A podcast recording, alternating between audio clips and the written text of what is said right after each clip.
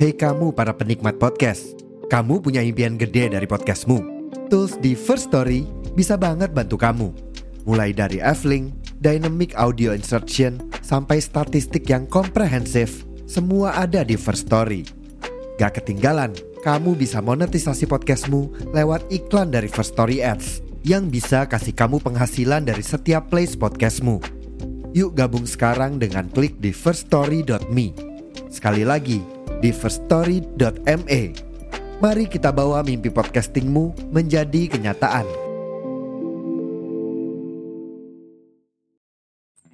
Selamat datang di Dengerin Sebentar Podcast Season 2 Bersama aku, Angga Rizky Halo, aku Chris. Halo, aku Sali, tidak mengerumuni aja. Halo, aku Yani. Ini Halo teman-teman, halo Angga. Eh, aku Karnia. Emang dekat biasanya sih eh, manggilnya galang manggilnya galang kalau nggak komo gitu. Di season ini bakalan banyak obrolan yang mungkin nggak pernah kita dengerin sebentar Padahal kita bisa lebih paham loh. Penting eh, kita ada progresnya. Ya yang penting walaupun kecil tapi ada progres. Nah itu. Jadi memang, oh, jadi memang banyak yang berubah deh saat pacaran. Ya Jangan lupa pantengin terus episode terbaru dari Dengerin Sebentar Podcast Only on Spotify gratis dengerin sebentar podcast, eh, dengerin sebentar. Ini juga paham. juga paham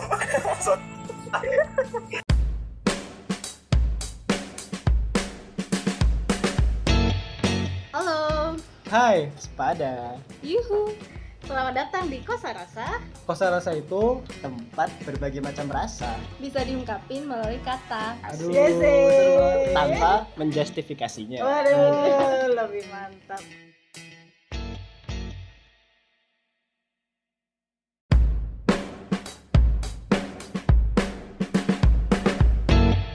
Halo, Hai, Sepada. yuhu. Selamat datang di Kosa Rasa. Kosa rasa itu tempat berbagai macam rasa. Bisa diungkapin melalui kata. Aduh, Yes, seru banget. tanpa menjustifikasinya. Waduh, lebih mantap.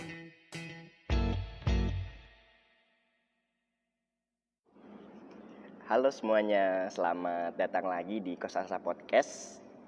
Sekarang di episode ini yang temanya minta maaf bakal ditemani oleh aku Abdullah Halim Kofi ya. Semoga kalian yang mendengarkan bisa betah ya. Nah, ngomongin minta maaf nih di bulan Ramadan. Di bulan puasa itu pasti identik sama hari raya Idul Fitri iya gak?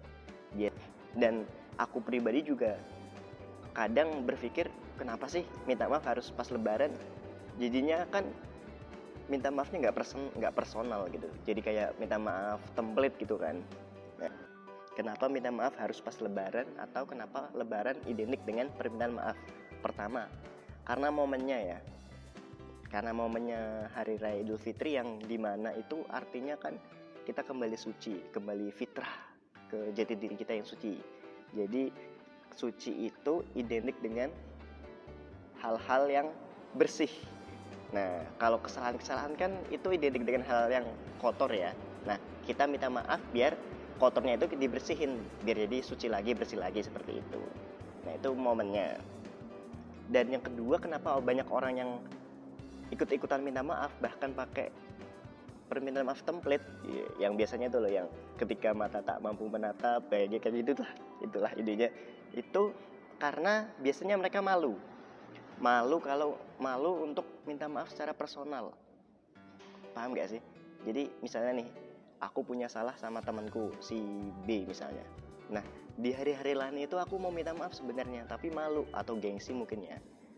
Nah tapi ketika ada momen nih ada momen hari raya Idul Fitri di mana semuanya itu minta maaf nah kita juga berani ikut-ikutan untuk minta maaf. Dan yang terus yang ketiga adalah bisa bangun silaturahmi. Nah misalnya nih kita kontak ya oke aku sebelumnya aku mau tanya dulu nih berapa banyak kontak di WhatsAppmu yang sebatas kontak atau sebatas penikmat story. Tidak pernah mengirim pesan tidak pernah video callan nah, pasti banyak kan? Nah momen-momen lebaran ini jadi apa ya jadi suatu momentum untuk kontak-kontak tersebut. Kita untuk saling mengirim pesan ya. Walaupun pesannya lagi-lagi template tapi ya setidaknya silaturahmi kita tetap terjaga gitu lah ya.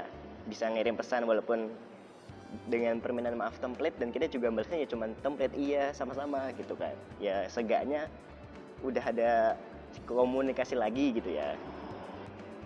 Nah jadi bagi teman-teman semua kalau masih ada yang menganggap minta maaf di hari lebaran itu sebatas formalitas belaka ya memang seperti itu. Tapi kita nggak tahu siapa di antara teman-teman kita yang mengirim pesan formalitas tersebut yang benar-benar tulus tidak mau mengirim secara personal pesan personal karena malu gitu lah.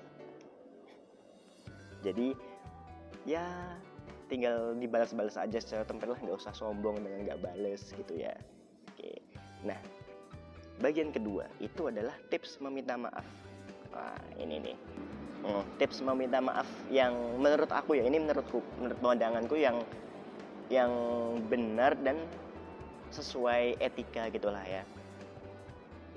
Yang pertama itu jangan pakai kata kalau atau jika. Sering nggak sih teman-teman dengar tuh kalau ada yang minta maaf itu gini bunyinya. Ah, aku minta maaf ya kalau aku ada salah. Iya, aku minta maaf ya kalau aku ada salah. Itu kan kata kalau itu sebenarnya nggak perlu nggak sih? Nggak perlu kan? Jadi kayak kalau ada kalau tuh kesannya kita agak sombong gitu gak sih? Eh aku minta maaf ya. Kalau nih, kalau kalau ada salah, kalau gak ada salah ya nggak bisa nggak minta maaf gitu. Nah jadi ya minta maaf minta maaf aja, nggak usah pakai kata kalau. Misalnya ya aku minta maaf ya atas kesalahan-kesalahanku gitu aja. Kalau menurutku itu lebih lebih enak sih. Yang kedua itu jangan kasih alasan. Misal nih dalam kasus cowoknya telat jemput ceweknya nih ya terus si cowok minta maaf nih eh aku minta maaf ya yang tadi telat gara-garanya aku harus bantuin ibu ke pasar harus bantuin dagangan harus buka warung dan sebagainya. Mungkin itu kan ya. Itu mungkin memang alasannya cowoknya benar ya. Dia harus bantu ibunya dan lain sebagainya sehingga dia telat jemput ceweknya. Tapi kesannya tuh di ceweknya tuh kayak di si penerimanya ya di si penerima permintaan maaf itu kayak kebanyakan alasan nih pasti ah pasti besok diulangi lagi nih dengan alasan yang lainnya gitu nah jadi kalau menurut aku tuh minta maaf ya minta maaf aja nggak usah dikasih alasan. Dikasih alasan kalau diminta. Misalnya nih maaf ya yang aku telat jemput kamu. Gitu. Terus si ceweknya iya nggak apa-apa aku maafin. Emangnya kenapa sih? Nah kalau si kalau yang kamu minta maaf tuh nanya alasannya baru kamu kasih gitu. Karena kenapa kar nggak nggak perlu pakai alasan? Karena kesannya tuh tadi eh, kamu nggak tulus minta maafnya. Gitu. Iya gak sih? Ngerasa nggak sih? Sebenarnya orang yang diminta maaf tuh cuman butuh kamu merasa bersalah dan mengakui kesalahan itu dan minta maaf. Nggak perlu embel-embel alasan dan lain sebagainya gitu kan. Oke bagian yang ketiga yaitu tips memaafkan. Nah, tadi kan minta maaf, ini memaafkan. Gimana biar kita bisa memaafkan orang lain dan nggak gampang kecewa sama orang lain? Yang pertama, tentu saja adalah menjaga ekspektasi kita ke orang lain. Ya, terdengar apa ya, membosankan ya kata-kata ini jaga jaga ekspektasi, tapi ini serius. Jangan apa ya? E, sebenarnya berekspektasi ke orang lain itu hal yang normal ya tentunya, hal yang wajar. Sebagai manusia pasti kita punya harapan ke orang lain. Dan tentunya harapan itu yang membuat kita hmm, hidup gitu kan. Harapan kan yang membuat kita optimis hidup gitu kan. Cuman buk, harapan atau ekspektasi itu yang perlu dikontrol, yang perlu di manage lah ya agar enggak apa ya enggak sepenuhnya kita berekspektasi ke orang lain karena kalau kita naruh ekspektasi ke orang lain kan kita nggak tahu orang lain tuh bakal mentreatment balik kita seperti apa gitu nah yang kedua itu adalah kita harus tahu kita harus belajar paham mana yang bisa kita kendalikan dan yang enggak mana yang di luar mana yang di dalam kapasitas kita untuk kita kontrol dan di luar kapasitas kita Nah, yang kedua ini berhubungan banget sama yang pertama tadi yang menjaga ekspektasi dan yang ketiga nanti. Tapi nanti dulu ya. contoh yang bisa kita kendalikan yang berada dalam kuasa kita.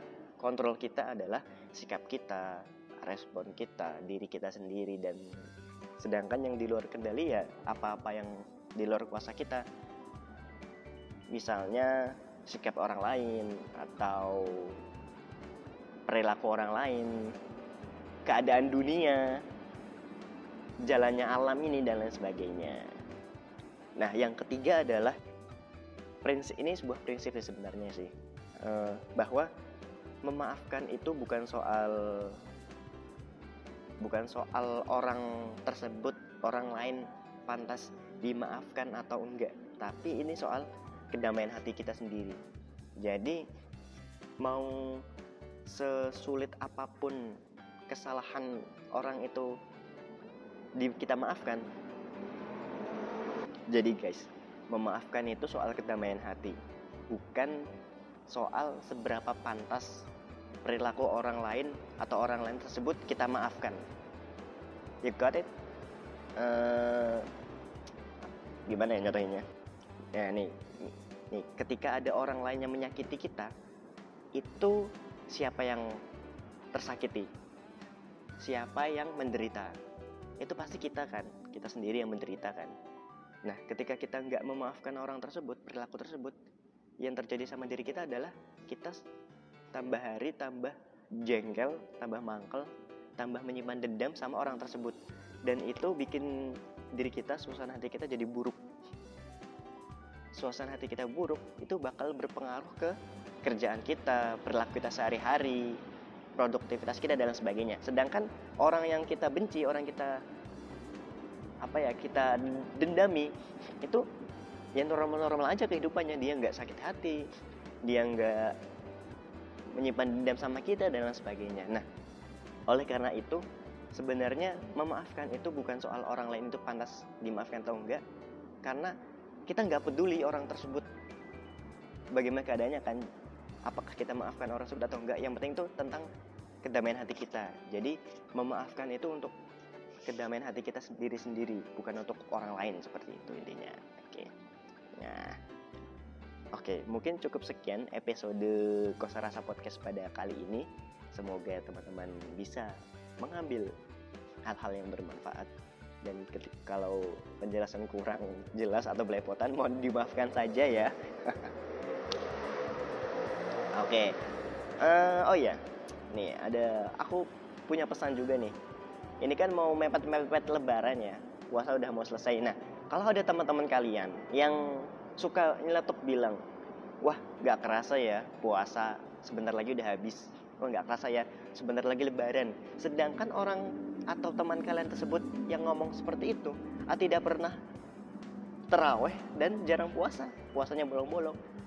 Coba itu ditonyo saja dijawab dicelutuk saja ya iyalah nggak kerasa kamu aja jarang puasa jarang teraweh gitu. Oke oke. Ini ya cuman buat bercandaan aja ya karena orang mau puasa mau ibadah mau teraweh dan lain sebagainya itu kan urusan masing-masing ya. Nggak usah ikut campur aduk gitu lah. Itu kan urusan pribadinya dengan Tuhannya seperti itu. Oke? Akhir kata aku meng, aku dan segenap teman-teman dari Kosasa Podcast mengucapkan selamat Hari Raya Idul Fitri mohon maaf lahir dan batin semoga kita di lebaran besok bisa saling memaafkan dan bisa memulai lembaran baru memulai hidup yang lebih baik dan optimis seperti itu. Oke, bye bye.